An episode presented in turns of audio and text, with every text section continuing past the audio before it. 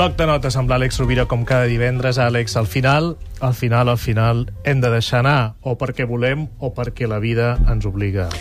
Sí, mm, el tema de la senzillesa hi podem arribar o per convenciment, perquè considerem que, que hem de buidar-nos eh, d'idees tòxiques, de falses creences, de prejudicis, de projeccions, de tot allò que portem a la nostra ment i que ens impedeix eh, percebre la realitat. Vinc ara de fer una conferència amb l'Eduard Ponset i ha sortit un tema molt interessant, no?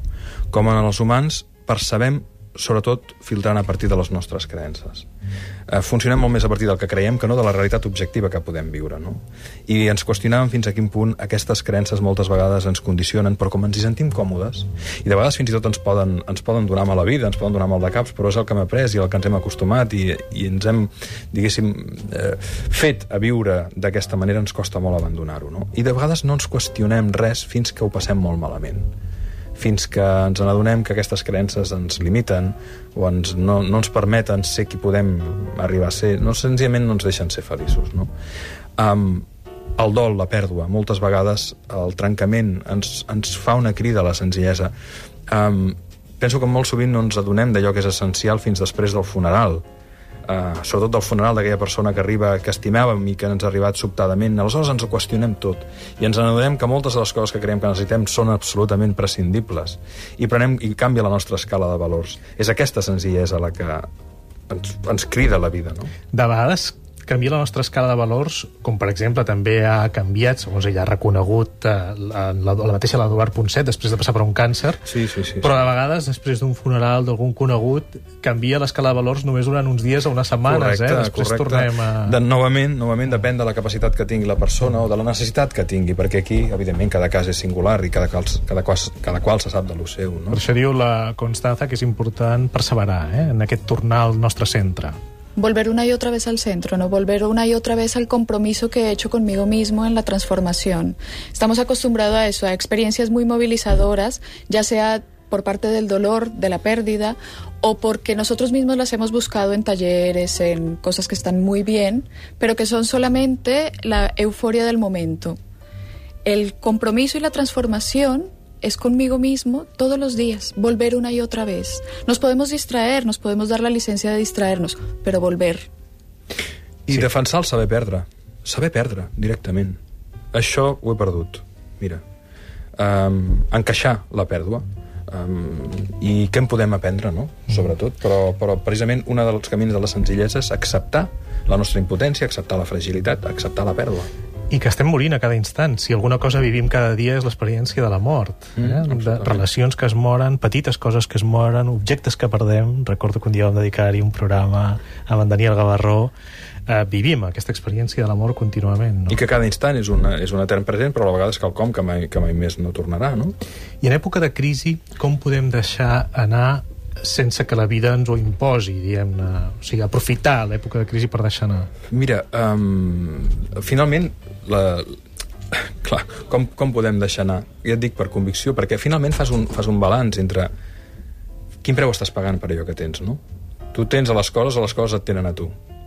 I aleshores, doncs, veure fins a quin punt estàs disposat a renunciar. I després, si, si no, la crisi t'hi portarà necessàriament. No?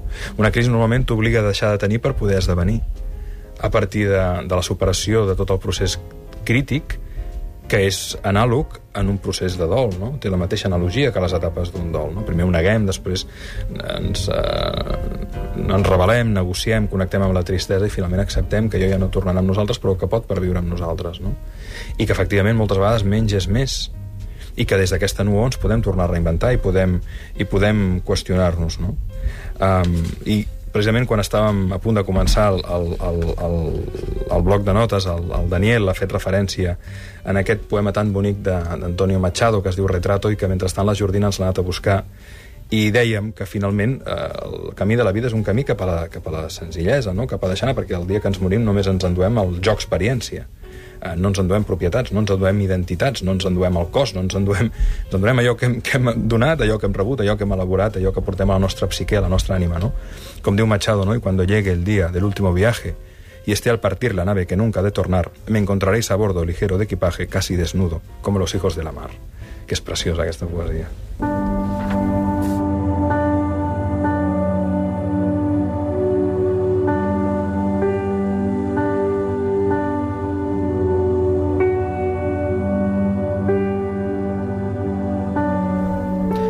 Jo voldria afegir sobre això del perdre, que sempre perdem. Qualsevol, quan esculls qualsevol opció, n'has deixat altres. Mm. I per tant jo puc ser un gran explorador i alpinista, però necessàriament no m'he pogut quedar a casa. M'he perdut l'experiència d'estar a casa meva. Qualsevol opció és una pèrdua. I per tant a la vida no hi ha guanyadors ni perdedors, no hi ha guanyadores ni perdedores. Tothom ha fet una opció i és la que volia fer. Vostè és un xarp espiritual, eh? d'alguna manera, però no, per, no hi perd gaire, diguem-ne, perquè està en la immensitat de l'esperit, no? Què, què ha hagut de deixar? Jo dedico la feina a la que faig, no? però que és aquesta de guiar gent individualment amb aquest camí interior i d'autoconeixement. Però, i també en tallers de caps de setmana, coses d'aquest estil. Però això m'impedeix, per exemple, d'estar més a casa meva, més amb la meva parella, més amb la meva gossa, més amb, amb coses. De tant en tant, això requereix molt d'esforç. Tu deies fa un moment que acabo de publicar un llibre, i és veritat, ha significat moltes hores, moltes. Mm. Sí, moltes vegades eh, recordo que amb l'Àlex Ovira n'hem parlat, vaja, tots aquests processos i del sobreesforç necessari també en determinats moments si volem fer coses. Sí, sí, evidentment. Hem, hem d'invertir i ens hem, de, ens hem de dedicar si volem incorporar qualsevol habilitat mental, qualsevol habilitat afectiva, qualsevol... Però això, aquesta inversió, fixa-t'hi, inversió té una doble lectura, no? Una aposta i a la vegada una renúncia, no? Un donar-li la volta. Per tant, efectivament, no? Fins i tot quan tu inverteixes estàs renunciant a altres possibilitats. I el bonic és acceptar això, que els camins que tu tries, sobretot si tens l'oportunitat de poder triar des de la llibertat i des de la consciència, implica una renúncia i que de tot se'n pot aprendre, no? però que finalment mm, i, i ho portaríem a un altre tema que hem parlat moltes vegades, donem gràcies, no? que podem viure el que vivim ara, gaudim d'allò que tenim, perquè probablement si hi ha alguna que ens fa feliços és prendre consciència de tot allò que tenim, no? I mm, que no tinguem que esperar a perdre-ho per, per valorar-ho, no?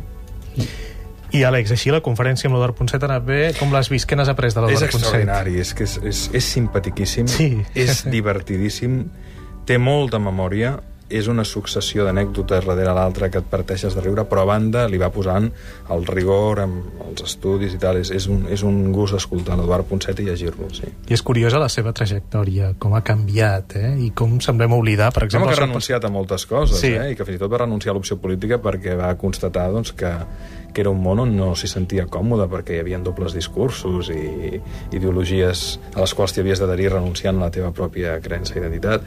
Ha estat diplomàtic, ha estat científic, ha estat professor, ha estat divulgador... És un home lliure, és un home valent, molt, molt interessant. Doncs així acabem aquest ofici de viure. Dilluns i tornarem parlant del que podem aprendre dels nostres avis. Un programa que ens fa una il·lusió especial. Què podem aprendre dels nostres avis? Doncs moltíssimes gràcies. Constança, Constança Gràcies. González, Daniela Barró, Gràcies. Àlex Rovira també. Gràcies moltíssimes gràcies. Fins gràcies a divendres. tots.